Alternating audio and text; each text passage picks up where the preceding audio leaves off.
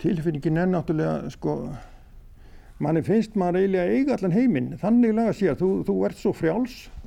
Þú getur farið hversin þið dettur í hug. Tekið hvaða stefnu sem með manni dettur það í, í góðu veðri nú bara skrepp ég til að akkur og þá er ég komið þangað eftir klukkutíma og þessari vel, hún fer það rætt beint hérna yfir álendið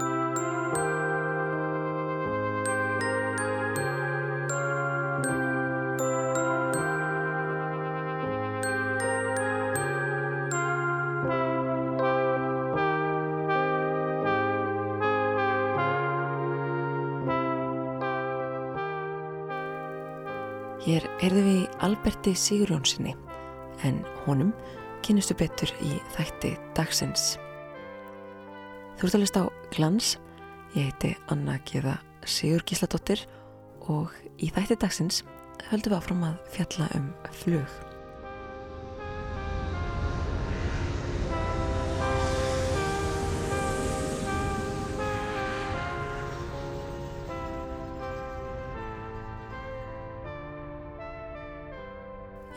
Síðasta þætti frættist við um störf flugfræja, heyrðum reynslusögu Otníjar Björgólsdóttur sem að lifði af flugslýsið á Sri Lanka 1978. Í dag einbyrðum við okkur að grasrótinni hins vegar. Fyrir nokkrum vikum spjallaði ég við Artur Gunnarsson, sakfræðing sem að skrifaði meðal annars um sögu flugvall á flugleðsögu á Íslandi. Ég spurði hann það meðal annars út í grasrótina Er mikið um græsóttastar sem er á sviði flugs hér á landi? Já, ég held að sé alveg út að segja það og þá sé langa hefð.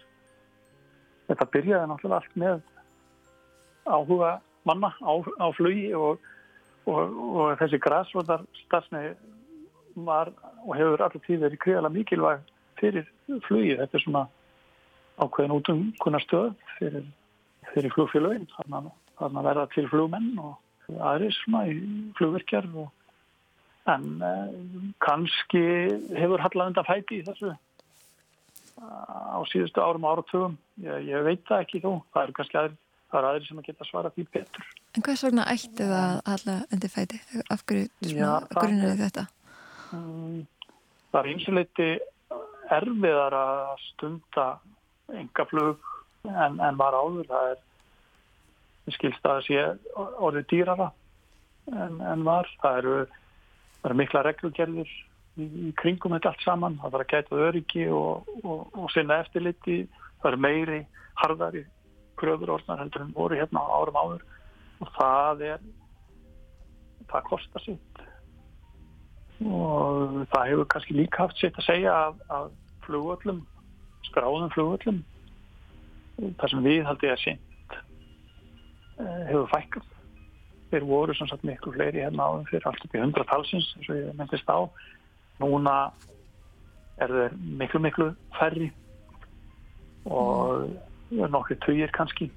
Þannig að, að, að aðstæður umhverfið er að ymsan átt erfiðar að skils mér en þetta er ekki ekki að einn raun. Mm, ég skil þig.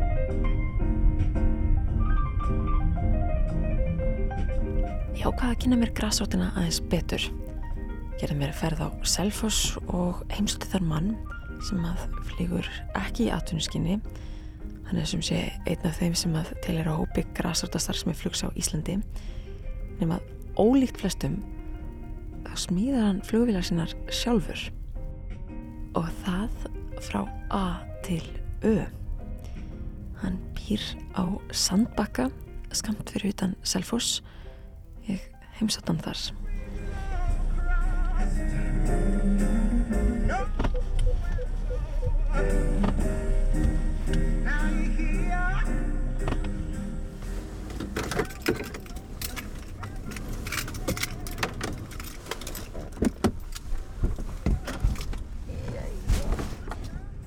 Viðmælandi dags tók á móti mér stuttu frá heimili sínum í flugskíli sem hann á með bróðu sínum.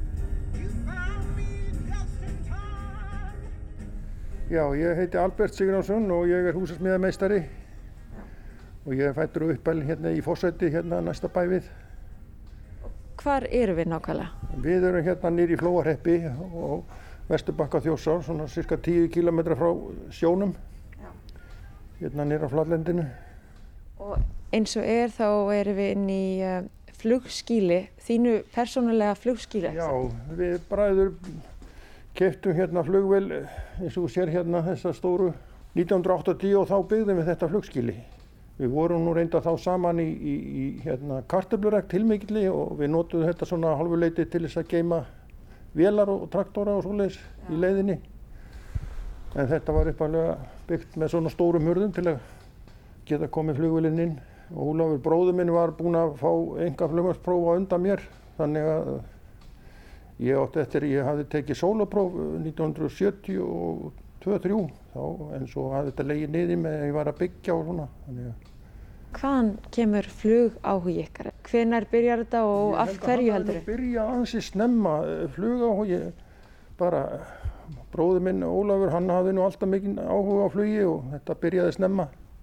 Ég held að hafi nú verið voðalega mikið áhrifavaldur að þegar ég var svona 5-6 ára Ég er nú orðið svo gammal eins og grönnum að sjá að, að hérna á tímum kóraðustríðusins þá var gífurlega mikið umsif á Amerikanunni hérna upp á, á Keflavíkurflugvelli og þeir flugu svo mikið hérna framhjá á öllu þessum flugtækjum sem þeir voru með þá og þeir voru með einhverja aðstöðu hérna fyrir austan þjósá.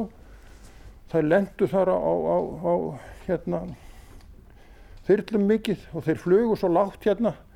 Það, það væri nú sjálfsagt ekki lið í dag að bæða á herþótum og og maður var náttúrulega heillar af þessum flugtækjum að sjá þessi, þessi, þetta og, og þá var mikið verið í það að smíða leikfanga flugvelar og reyna líka eftir þessu öllu. Hvað hefur verið gamal þarna? Ég hef ekki verið nema 5 ára sko, 5-6 ára. Þetta, ég, þetta er mjög minnistætt þetta, þetta tímabil. Þetta, þetta var eiginlega engin friður hér á sömrin fyrir, fyrir flugvelag ným oft og einat heilu dagana því þeir voru svo mikið að ferðinni hérna framhjá. Og var alltaf spennand að sjá flugvilar? Var þetta eins og að sjá... Það var alltaf spennand að sjá flugvilar, já. Var þetta eins og að sjá sjálfgefan fuggl eða... Já, ég, mér er í minni að fyrst þegar að ég komst í bara í návígi við flugvil og það var hérna, það hefur eitthvað verið fyrir á þessum áru, þá nöðlendi flugvil hérna á Ferrinessi. Eða hún nöðlendi ekki, hann bara komst ekki til Reykjavíkur vegna þóku umyrðis og þetta var mjög minnistægt að bara komast bara í návígi við, við, við flugvilina. Þannig að þessi áhugi hefur nú alltaf verið sko. En sko, að því þú ákveður að fara í húsasmíði, tókstu eitthvað tíman meðvitað ákverðun um að leggja flýið ekki fyrir þig, að fara ekki í atvinni flugmann eða eitthvað flugmann? Já, ég, það var nú, já þetta er nú bara örlegin er nú þannig, það var svo mikið að gera alltaf, þegar ég er að læra þetta flug, jú, jú, ég hefði gett að farið sjálfsagt í það en Ég hafði náttúrulega ekki stúdenspróf, ég hugsa að það hefði nú, ég held að það hefði nú verið krafan þá. En uh, ég var svo, þegar ég tók sólaprófið í Reykjavík, uh, þá kynntist ég þessu umhverfi og uh, ég heitlaðist nú ekki af því, því umhverfi sem slíku. Mér fannst Ég fannst uh, ekki skemmtilegt svona hvernig þetta umhverfi var þá á Reykjavík flugvelli að það var allt tölvöld mikið laust í reybónu þegar maður var komin nýra á jörð og öfugt við sem það þurft að vera í, í flugi eins og, og það þarf að vera mikill ægi og, og fara eftir öllum reglum. Þannig að þetta heitlaði mér nú ekki þannig að vera sem, sem, sem atvinnu. Því að ég er bara svo mikill handverksmaður, það er mitt aðalega ég hef alla tíð verið verið í handverki og ég held ég losni aldrei við það og hefði aldrei losna við það að vera, vera hérna handverksmaður. Fær listrænt eðliðitt, fær það að njóta sín í handsköpunum? Já það er náttúrulega sko þessi sköpun, ég held að hún sé nú ásköpuð okkur öllum alveg sama hvort þú ert að skrifa texta eða, eða gera eitthvað í höndun þetta er, þetta er einhvers konar sköpun sem ég held að þetta sé okkur mannfólkinu bara áskapaða þetta sé nú alltaf sama meði hvort þú ert að yrkja ljóð eða skrifa texta eða búa til eitthvað í höndun þetta, þetta er einhvers konar sköpun sem, að, sem að við höfum öll þörf fyrir. Hvers vegna heldur við um þörf fyrir þetta? Já það er góð spurning. Ég, ég veit það ekki. Er, þetta er, þetta er okkur áskapað að vera eitthvað að bjástra held ég alla daga annars líður okkur ekki andlega vel held ég að hafa ekki eitthvað fyrir stafni, það er nummer 1, 2 og 3. Ég hef alltaf tíð verið með einhver auka svona leikari í sverkefni, ég losna aldrei við það þó ég sé á gamas aldrei. Ja. Frá því ég man eftir mér þá var maður alltaf eitthvað með einhver aukaverkefni viðbútt við vinnuna, það hefur alltaf tíð fyllt mér. Og þú hefur nú aldeilis verið með aukaverkefni hér inn í þessu skíli. Í skílinni eru tvær flugvilar, einn flugvil sem þú sagðir að þið bræður hefði keift 1980, já. En svo er hérna flugvil sem er mert TF Alp. Ég hafði smíðið aðra flugvel, hún er ekki gemt hérna, hún er gemt hjá kunningum mínum í, í Mósursbæ, tvíþækju litla, þú sé myndir af henni hérna. Ég byrjaði á henni 1994 og ég var 6-7 ára að smíða hana og ég flög henni frá 2000 til, til ársins í fyrra. Og ég er búinn að fljúa henni átt í 1000 klukkutíma út um allt land. Þú smíðaðir þína einn flugvel sem að þú hefur síðan bara flogið á? Já, já. Þetta er magna. Þú smíðaði hana frá grunni? Bara... Já, alveg frá grunni. Það, það er bara keift bara hrátt efni í hana en á þeim árum þá var náttúrulega ekkert internet komið og þetta er náttúrulega þvílig bilding í dag að gera eitthvað svona ef þið vantar eitthvað hlut þó þú sért eitthvað starf upp í krummasköðu upp í aftal þá ert þú við, við bara vöruhúsið eins og, eins og allir aðrir í heiminum og þetta er maður sest við tölvuna kannski á kvöld en maður vantar einhverja skrúu hérna í flugulinn, einhverja sérhæða skrúu. Í það er fyrirtæki í Ameríku sem að þjónustar heimasmiði út um allan, allan nöttin og þar getur bara farið inn á stóran katalóg og, og, og, rekka þetta niður þar sem þið vantar. Og það getur verið komið hérna bara, og það bara pósturum bankar hérna eftir fjóra-fimm daga. Þetta er eiginlega ótrúlegt, allaveg frá Ameríku, einhverja skrúur og einhver sérhæðar hluti sem þið vantar. Og þetta, þá er þetta komið, þetta kostar þetta flutningskostnárin en þetta er náttúrulega alveg með ólíkjum þægilegt. Ef ég berði þetta saman við þegar ég byrjaði á hinnu flugvelinni 94 þá var ekkert svona í gangi. Og það var Hvernig fórstu þá að því? Hvar fannst þetta hlutina? Það var náttúrulega lifði á kunningjónu, ég var að vinna fyrir mann sem var var rak innflutningsfyrirtæki og hann sagði bara ég skal sjá um að flytja inn fyrir þig efni og panta þá þurfti að faxa þetta fram og tilbaka og fyll út tollskýrslur og allan pakkan og hann bara sá um þetta fyrir mig bara á sínum almjölu heitum. Þannig að það bjargaði mér á, því, á þeim tíma sko. En hvernig sko uh, þetta er svona þetta er eins og að smíða bíl ég bara get ekki ímynda mér hvernig maður smíðar bíl en svo, þetta er í rauninu meira undur af því þetta er eitthvað Nei, þetta er ekki, þetta er miklu einfaldra að tækja heldur nokkuð tíma bíl í sjálfum sér Nú, hvernig þá?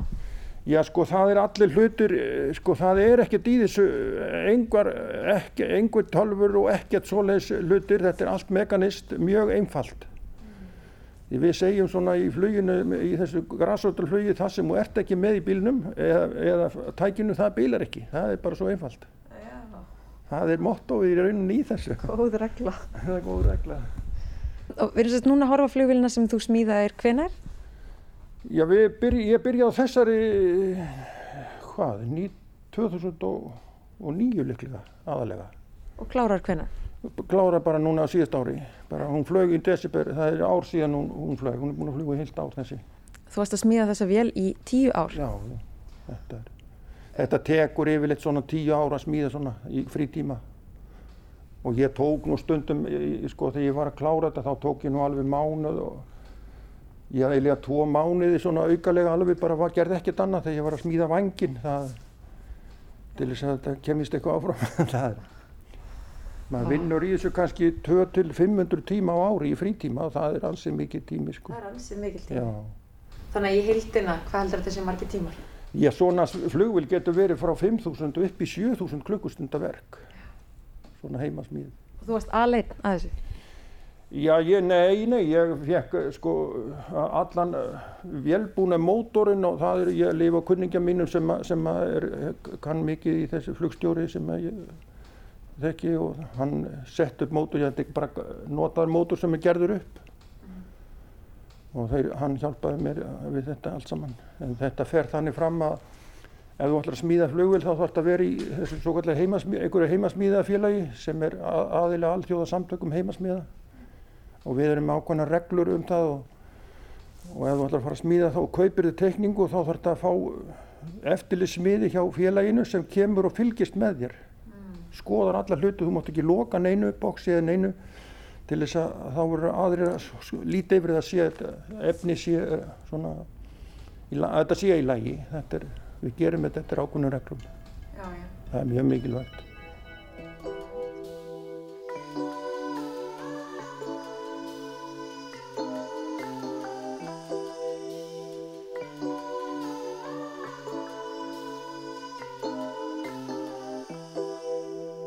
Plus de minutes avant jamais.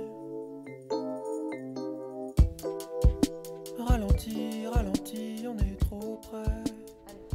Hvernig myndir þú lýsa þessari flugvél? Já, þessi flugvél, hún, hún er hérna, hún er teiknuð af franskum manni um 1965 og það er einn, ég veit, ég veit til þess að það er einn flugvél hérna fljúandi á Íslandi sem er teiknuð eftir hennar mann listflugvél sem er Hún er með, þessi með sama vang, hún, þessi flugvili með, fer mjög hratt, hún, hún, hún hérna flýgur á 150 til 70 miljonar hraða, talsveit hraðari heldur en þessi hérna, sem voru hér. En þessi hérna eldri flugvil, hún verðist aðeins stærri að innan? Já, hún er stærri, hún tekur fjóra menn, þessi, þessi tekur bara tvo. Já. Þetta er mjög gömur Piper Warrior vél, það eru margar til svona hérna á landi, mjög traustar vélar.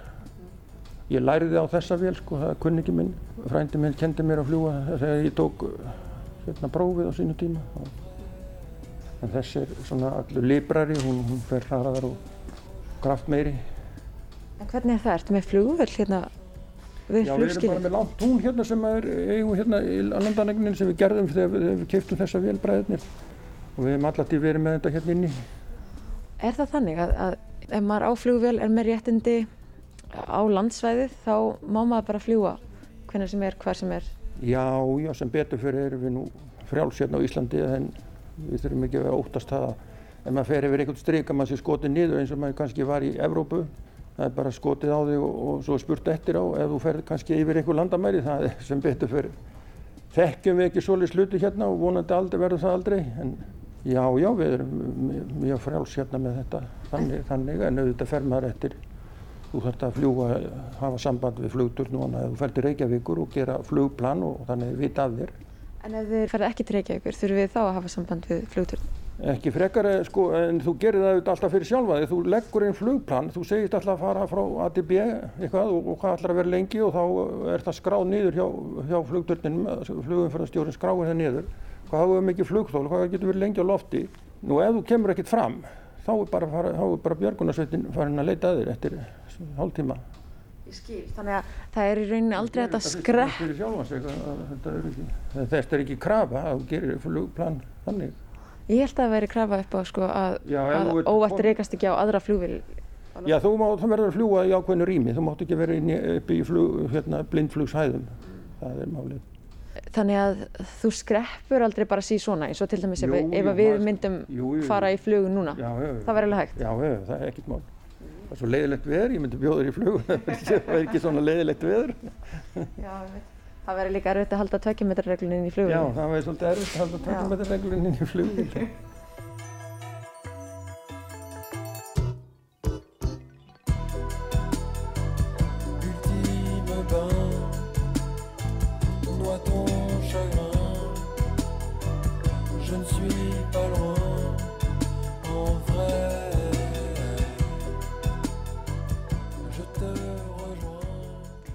Hvernig dettur mann í hug að smíða flugvél? Eru margir til dæmis sem gera þetta?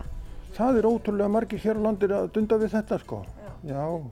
Ég man nú ekki hvernig ég akkurat tók ákvörðun. Það er, eh, jú, það var blundaði lengi í mér sko og svo það voru nú aðri sem kvættu mig til þess sem maður þekkir náttúrulega menn í þessum bransa. Hann er náttúrulega ekki stór hér á landi og, og ég fór að ná mér í teikningu og þá náttúrulega bara var ekki aftur snúið.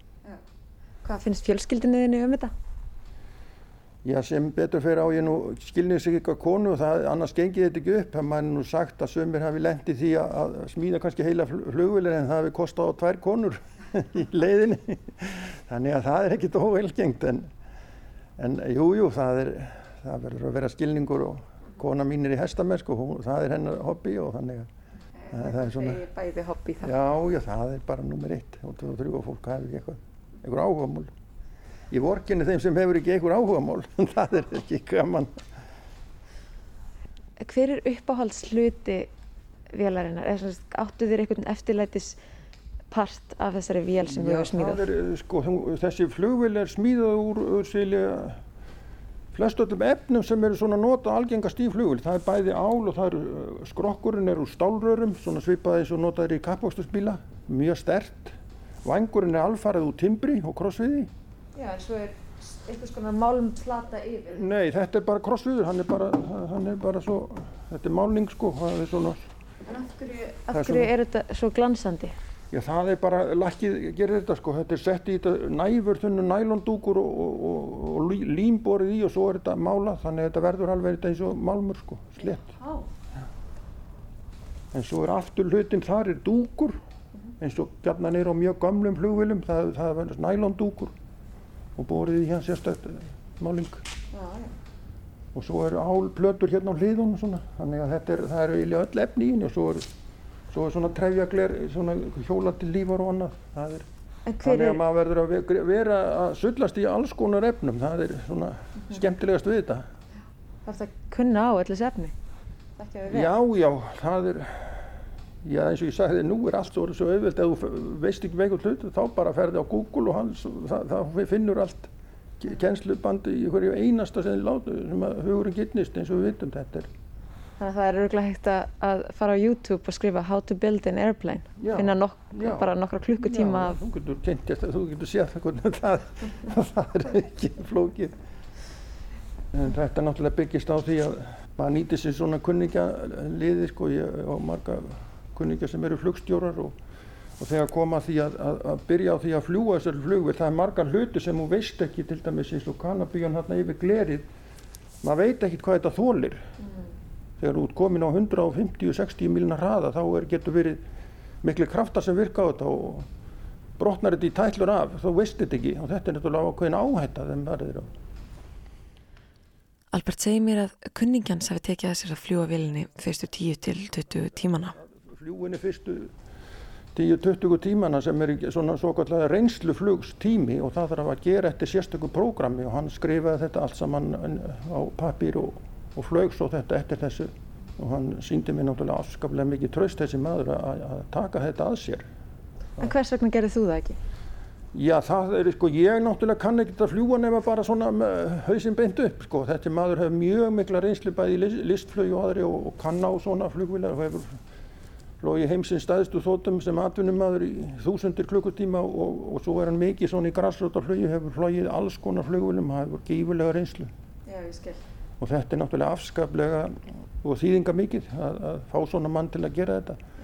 Þegar hann er búinn að taka hann út og fljúin á alveg fara með hraðamælinn alveg yfir á raut strik sem að maður gerir aldrei venjulega þá veistu að hún, hún þólir hvað sem er eftir túrin. Þannig að þetta, það er mjög mikilvægt að þetta sé gert. Og þannig að eftir fyrstu prófanir, þegar þú ert búin að smíða þessa vél, það var ekkert að vélinni. Nei, nei, það kom engin, engin teknileg vandamölu upp, sko. Þannig, ekki neitt, sem betur fyrr, sko. Varst, varst ekki stoltur?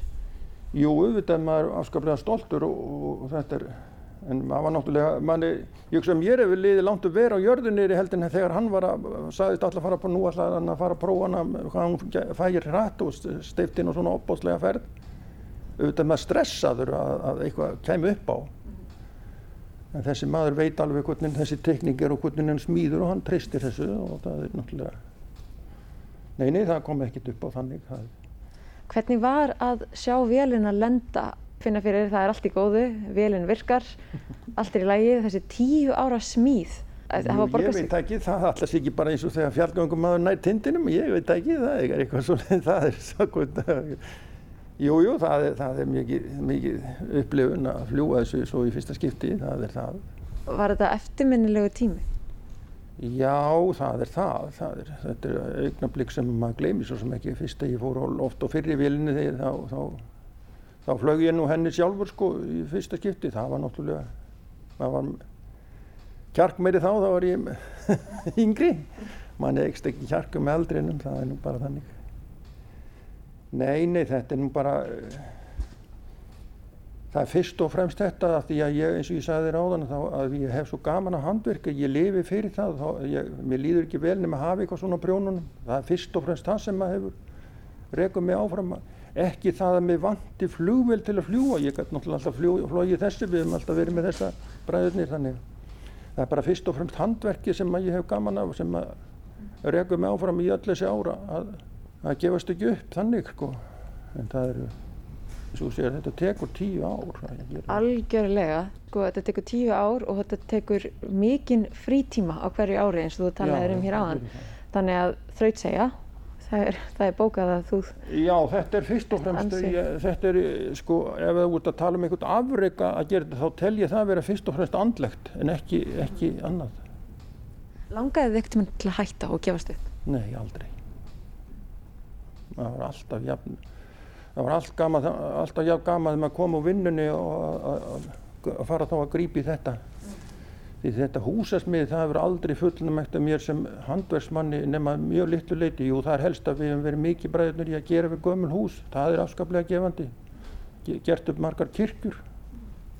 Það er óa gaman að, að, að, að því þá færðu kannski að gera raunverulegt handverk eins og gamle mennindi gerður bara með sporjótni og sög sko en ekki þetta en þetta er nútíma húsasmíð það sem þú stendur og gerir saman hlutin dag eftir dag og árið út og það er ekki það er ekki fyrir mig.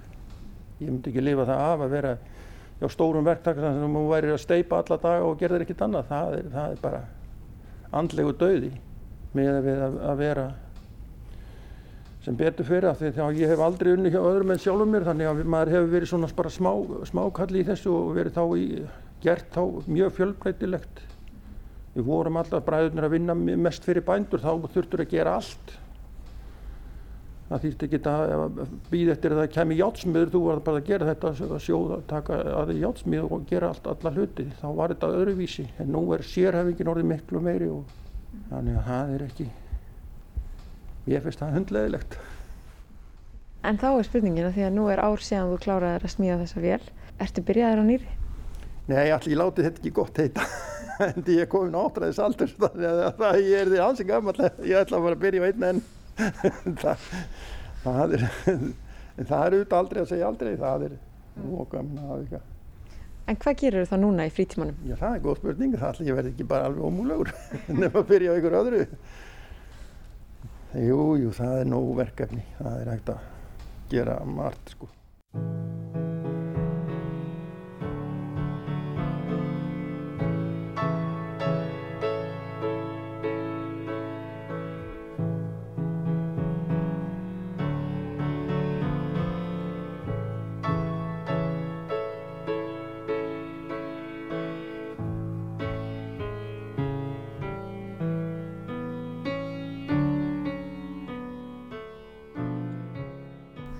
Heldur þú fljúur vélinni eða vélunum þínum oft?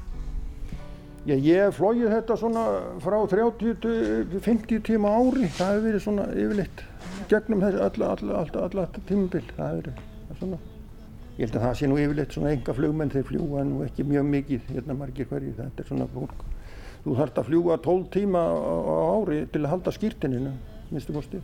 Og svo þarf maður að fara í svona próf annarkvært ár með, með prófdómar að hann kvittar í, í, í logbækutuna og sért færum að fljúa er, þetta er svona ákveðna reglur. Mm -hmm. og mér finnst þetta nú þetta er miklu strángar heldur en að halda bílprófi. Já.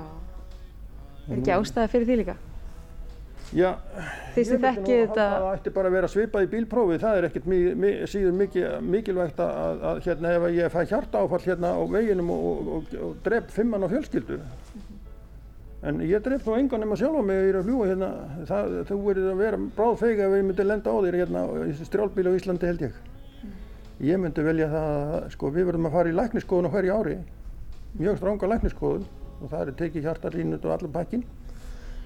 En að, en að keira 50 mannar út og það er kannski hægt að bara fá augmóttur gegnum síma og annað svona. Þetta hefur verið þannig. En ég er hissa á því að það skulle ekki vera miklu strángara með bílprófið upp á þetta til að gera. En fælst ástæðan ekki bara í eðli vélarinnar? Af því að við erum enn hrætt við það sem að Jú, það flýgur er, það er nú það sem er. Það er, það náttúrulega fyrir ekki ef þú gerir mistök þá er það bara ekki dætt tekið. Það er sko beinfald máli. Það má kannski segja það að af en, en þú getur líka drefið fullt af fólki. Eins og, eins og slísin eru yfirleitt alltaf þessi, þetta mannlega, það, það er það sem breykt ekki, það er verkværi bíli, það er mjög fátítt að, eins og við vitum að það, að það sé það sem veldur slísinu, að, bílinn hafi bara bílað, stýrið áttu úr sambandi eitthvað slíkt hjá þér, það er, það er ekki það sem gerist. En hefur þú ekkert sem orðið hrættur í flugi? Nei, ég bara, get nú ekki sagt það, ég hef orðið hrættur, þannig. Nei, ég, ég maður náttúrulega reynir að haga þessu það flugi þannig að að koma sér ekki í þessar aðstöðu, það, það snýst allt um það. Maður er aldrei kannski ánæður, ég hef, hef lendið því að vera að fljúa kannski hérna fyrir árum, fara á staður Reykjavík og ætla að fara hérna austur og svo hafa félaga mínir farið og, og komist en ég snýri við sko þú ert ekki litli kallinn. Það er sá sem eh, þrælaði sér áfram það er hann sem er litli kallinn í fluginu. Við lítum þannig á. Maður er aldrei ánæðri heldur en ef maður hefur tekið ákvörðunum að snúa við. Það er, það er málið. Takk ekki óþara áhættur. já það er, það er óþarfi sko. Það Já. er alltaf mikið um það að fólk gerir það sko taka á. Þetta er voða fljótt að gerast. Ef maður lendir í lendir í skýju með ykkur svona sem maður, ef maður kann ekki blindlu og er ekki með tæki í vélinni til þess þá er maður bara eftir tvær mínútur veit maður ekki hvað snýr upp eða niður og veit ekkert hvað jörðin er. Við höfum ekki þennan búna í hau- hausnum eins og gæsin getur flóið inn í ský og komið út og hár rétt á réttir stefnu. En þó sért atvinnum maður búin að fljúa 30.000 klukkutíma þú verður ekki ruggluð eins og skot ef þú lendir í ský og hefur ekki mæla til að fara eftir Þetta eru lögmál sem maður verður að bera miklu virðingu, bera virðingu fyrir. Það er bara ledge.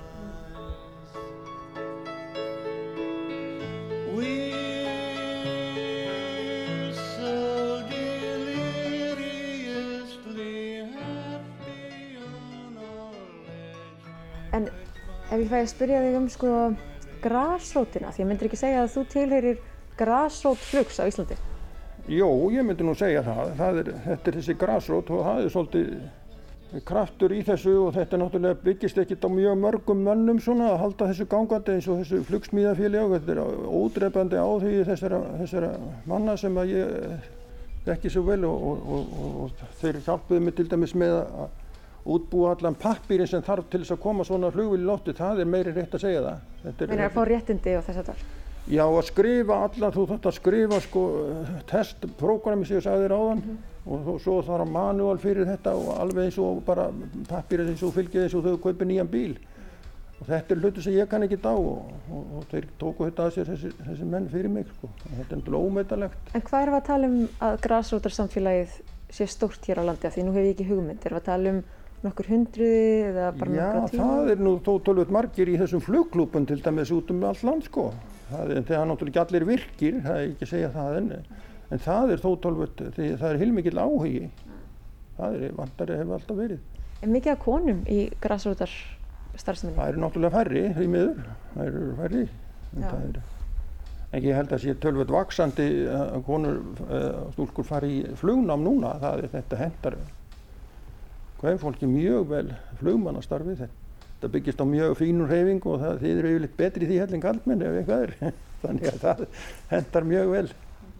Nei, nei, þetta er, þetta er, þetta var náttúrulega voðalega mikil eh, um 1980 við kaupum þessa vöglu þá vorum við í samstarfi við, eða já, kunningi okkar, hérna flugvirki sem var í Reykjavík hann flutt inn vélar alveg stöðugt á hverju ári sko en nú er þetta alveg búið svona enga flugvílar í þetta upp úr 1980 þá fóru þessar versmiður meir og minna á hausinn í Ameríku því þetta var alltaf út af lögfræði áliti ef þú flögst á fjall þá var alltaf flugvélin að kenna og þá þeir fóru á þannig að, að það var mikil breyting á því upp úr 1980 og þá fóru þetta að vaksa svo mikið þetta heimasmíði í- eins og í Ameríku og Ástralíu og út um allan heim Nú er það orðið aðal framfæriðnar í svona smá flugvila framleiðslu og það eru þessar heimasmíðu flugvilar. Það er bara fólk sem að, Já, þú sem er í rauninni að, að, að búa til Já. nýja, nýstárlega Þú hluti. getur keiftir svona kitt af flugvilum, þú getur valið þér alls konar tekningar og keiftir svo kitt þannig að þú þarft ekki annað í rauninni en að setja þetta allt saman saman.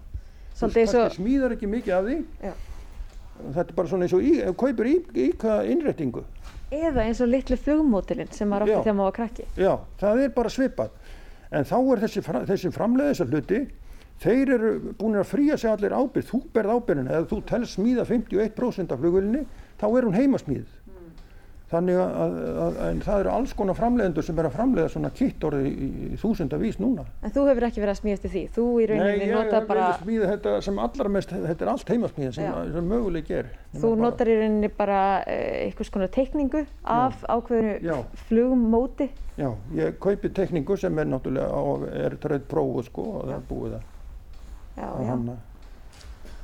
Í Þetta það er ákveðin lögmál sem að þú þarft að vera með í haldi í heiðri á öllum flugulinn, það er bara eins og að bátur velt ekki, það þarf að vera balansin þarf að vera réttur. Það Þyngdarpunkturinn þarf að vera innan vissra marka, annars, annars er flugulinn hættuleg.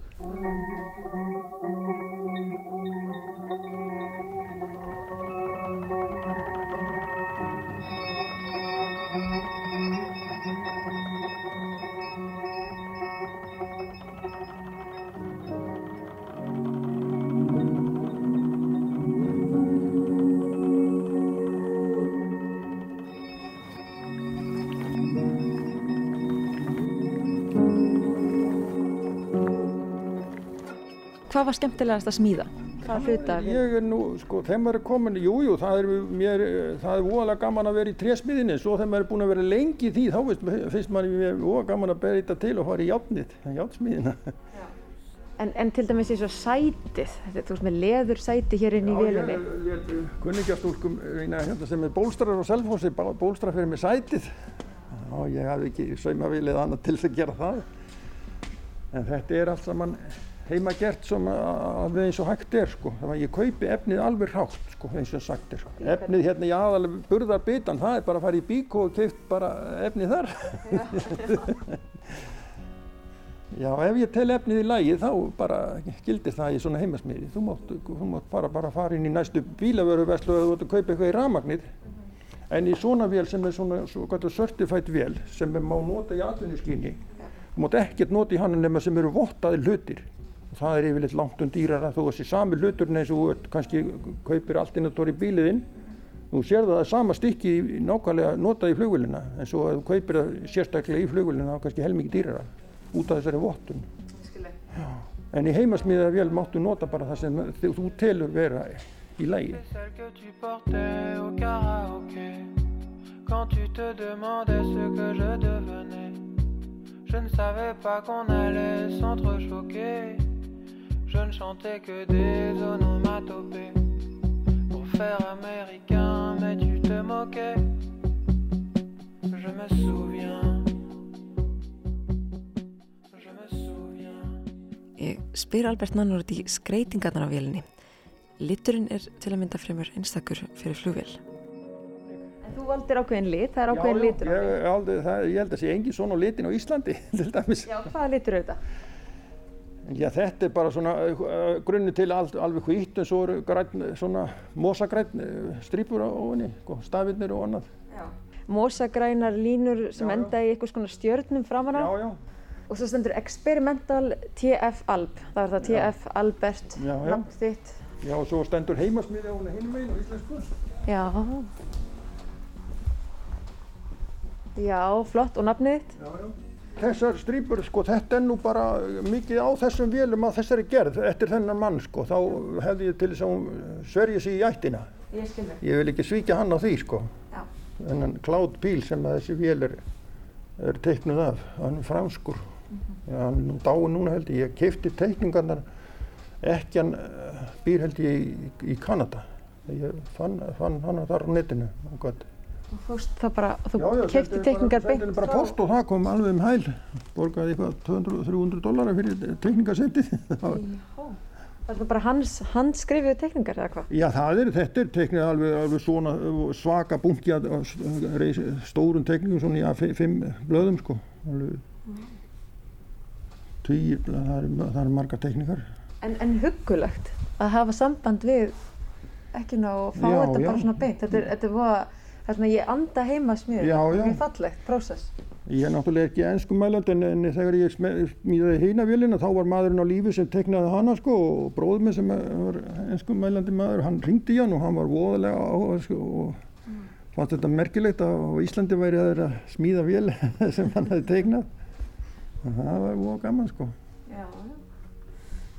En af hverju mórsagræn er það uppáhalds liturinn? Já, ætli það má ekki segja það, ég er svolítið í jarðlitunum svona, það er bara minn stíl.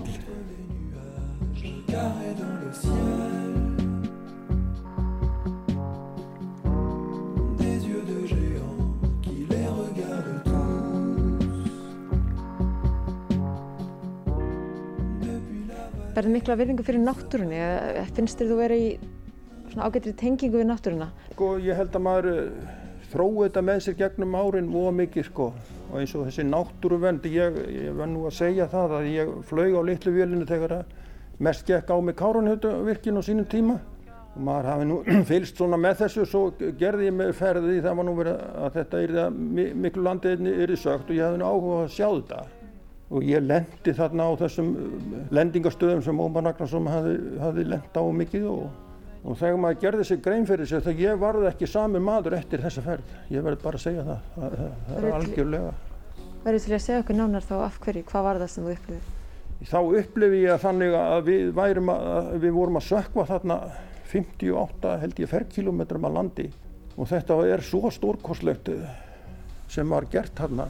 Já, maður geti, ef maður berði þetta eitthvað líkingu við það, það verði eins og þú myndir setja stíplu bara frá Akureyri bara eh, 50 eða 100 og eitthvað metra háa og fylla svo dalinn fyrir innan bara vatni. Þetta var bara á þeirri stærra gráðu. Þetta var alveg hrikalegt. Já, þú færði náttúrulega eins og í flugi þannig að þú hefur fengið yfirsýn yfir þetta svæði.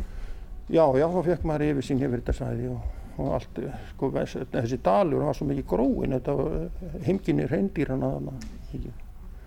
Og þessi var allir sögt og, og síðan ef eftir 200-300 ár þá voru þessi dalur fullur bara auður og, og, og framburði ána, á, á, árinar því þetta er einhvern grugguðust að fljóta á Íslandi þessi, þessi jökla.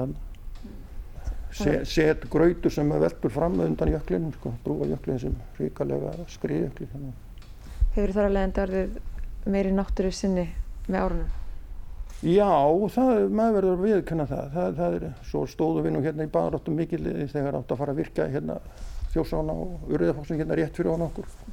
Ég hef veitt lags mikið á hverju ári með þetta gammast hérna í ánni því það er til mikil veiði en, maður, en það þarf aldrei að hafa fyrir því og maður stóð frammi fyrir því að þetta er því allt saman drepið og eðilegt á þess að spurja nokkur nað og þannig auðvitað, auðvitað litaðist maður tölvita þessu. En sem betur fyrir held ég að það verði nú, Urriðafossinum verði líft. Ég er nú að vona það. Að við þurfum ekki að ráðast á hann. En það að koma í ljós. Hvernig er að sjá landsvæði sem þú býrð á og landsvæði hér í kring og bara Íslands landsvæði? Hvernig er að sjá það svo oft að ofan? Af því nú þeir sem ekki fljúa þeir hafa kannski farið í uh, utanlandsflug eða innanlandsflug og, og þeir fá svona á og til að sjá út um gluggan en, en, en fyrir þér er þetta almennt myndi ég ætla það sem að þú flýgur kannski 30-50 tíma á ári. Hvernig er þessi sín fyrir þér? Já, maður náttúrulega fær góða sín yfir heldarmyndina að, sko, að maður þreytist aldrei til dæmis að, fljúa bara yfir Reykjaneskagan. Það er nú margir sem segja kannski að það sé ekkert að sjá en það er svo mikill miskilningur. Þetta, þetta er alveg ótrúlegt að sjá allar þessar haunmyndanir og hvernig þetta, það er eins og, eins og reysa tröllkjassa hafi held, úr, úr grautarpottinu og svo sérðu þetta hvernig raunin hefur runnið hérna nýri Ölfus og allt hvernig þetta hefur skeið og maður sér svo vel heilda myndina hvað er að gerast. Eins og þingvalla gjána og allt þetta. Að sjá hvernig þetta er að, breytast og, og landið að ripna í sundur hérna á eins og við Suðurlandsskjáltan þetta gengur í sundur um 2 cm á ári skildmanni hérna gliðnun þetta er ótrúlega, ótrúlega kraftar sem er á og það er gaman að sjá út úr lofti eins og, eins og sko, kringum þingvelli að sjá þetta er, landið er allt rist eins og með þetta sveðju í þessa stefnu beint á, svona á Reykjanestána. Og þetta er bara gliðnuna sprungurna svona að þetta er náttúrulega blasir voðalega við úr lofti séð. En hins vegar finnst mér líka mikið nöysilegt að, að, að fara svo á jörðunir að þegar maður er búin að fljúa yfir og skoða þetta og skoða það svo í ná, nái, það er líka óðurlega nöysilegt. Hvernig þá? Já, þá er kannski best að fara bara á bíl eða, eða labbandi og, og skoða hlutina í nái þegar maður er búin að sjá heildarmyndina mm. úr lofti. Við flugum til dæmis fyrsta flugvillin sem kom að Grímsvatnar góðsinu síðan, það var þessi flugvill. Það var til mynda á okkur þarna. Ólaður bróður, hann tekur mikið af myndum og tóku myndir á okkur. Það hefur verið merkilegt að fá að sjá eldgóðs. Já, það var svakalegt. Egefella góðsinn náttúrulega blasir við hérna, sko, það var bara eins og smá prömp með við þetta. Ég held það fyrir. Já, það var svo svakalegt fyrstu klukkutíman að þarna að því við erum að tala um þessi sjónarhörn og, og hérna, hafa gert aðeins meiri náttúru sinni með áranum. Hvernig lítur þau á lífið, bara mannlífið, þess að jörð allt saman bara, þetta er náttúrulega svo stór merkilegt en, en svona hvað, hvernig lítur þetta risaspurninga, hvernig sérðu tilveru okkar? Já, ég hef nú bara trú á mannkynninu sem slíku sko, ég hef nú bara trúi á vísindin og, og bara sjálfa mig, annað trúi ég nú vilja ekki á svona, í raun og veru. Ég held að við höfum sannað það til dæmis núna ef við erum að fá bólefni við þessir hrigalegu veiru. Þarna síndi mannkynni það að ef við stöndum saman þá getum við, við getum listið sér vandamál, bara við viljum. En það er við ramar reypa að draga þegar, þegar þetta kerfi okkar, við erum búin að búa þannig um nútana með þessa, þessa, þessa jarðefna nótkunn. En við höfum fulla börði til þess að gera þetta bara ef að mannkynni myndi ætla sér það. Það er bara sammælast um alls konar vandamál. Já, ef við gera það og eigða peningum í það þá, þá er það til lausnir. Við, þó við erum að sætt okkur við það að það er kannski eitthvað aðeins stýrar til að byrja með en það, það, er, það, það er við getum laust þetta. Mm -hmm. en það er, verður að vera vilji til þess og samstáða þjóða. Það er grundvallar aðtriði annars, annars fer illa og, og er að fara illa. Mm. það er til dæmis og lofti séð þegar maður flugum í sömar og maður er í lagt og yfir það að sjá hvað jöklarnir hoppa mikið. Það er Já þetta sést alveg svakalega vel úr lofti þá sér þú sér sko lítarbreytinga og eins og hérna á hálendi þar sem að jökullin hefur farið ofana þá er þetta gulbrútna landið þetta er alveg heilu svæðin. Það er svakalegt sem að jöklarnir að tapa miklu af ís. Mm -hmm. og maður náttúrulega veldi því fyrir sig eins og núna við erum hérna í svartata skamdeginu og ef þú lítur hérna út á þjósá þá sér þau ekki neitt einasta ísmóla í, í, í fljótinu En þegar ég er aðalast upp eh, um tíu ára aldur þá var þetta alltaf á ís alveg frá bara snemma á haustinu og langt fram á vor. Nú er þetta bara orðið aukt að meir og minna allra vetra, alla vetra. Það er einhver rosalega breyting á veðrinu, það er ekki nokkur spurning. Það er alveg deginu ljósara. Það merkir þetta að fá að sjá þessar breytingar sjálfur? Já, já maður er náttúrulega búin að fylgjast með þessu svona alveg. Mm. Það er verið þetta gafall og þetta sjá allir en það er ekki allir sem vilja viðkenna þetta kannski.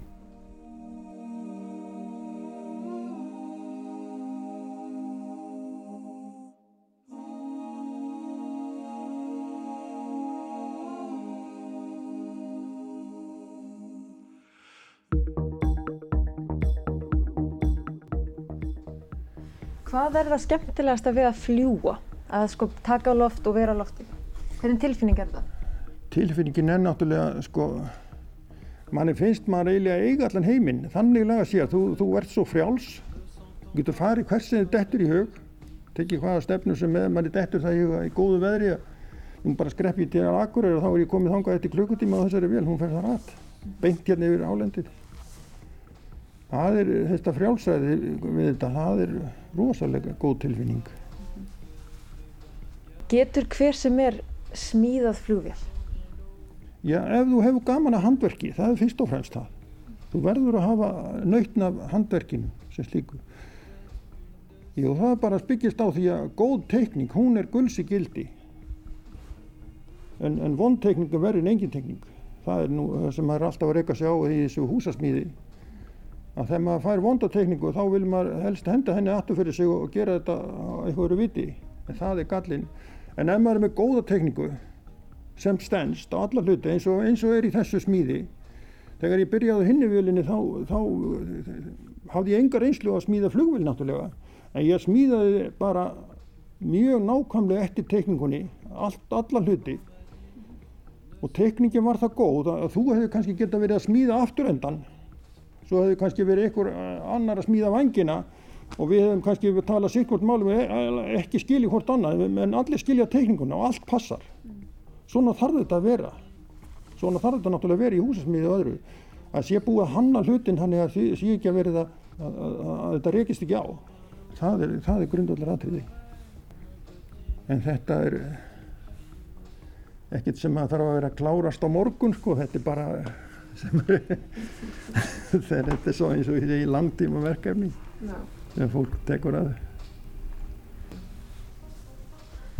Ég segi bara takk kærlega fyrir að, að, Já, að segja okkur frá þinni heimasmíði og, og þessum stórkurslegu vélum sem þú hefur nú smíðað. Já, takk svo leiðis.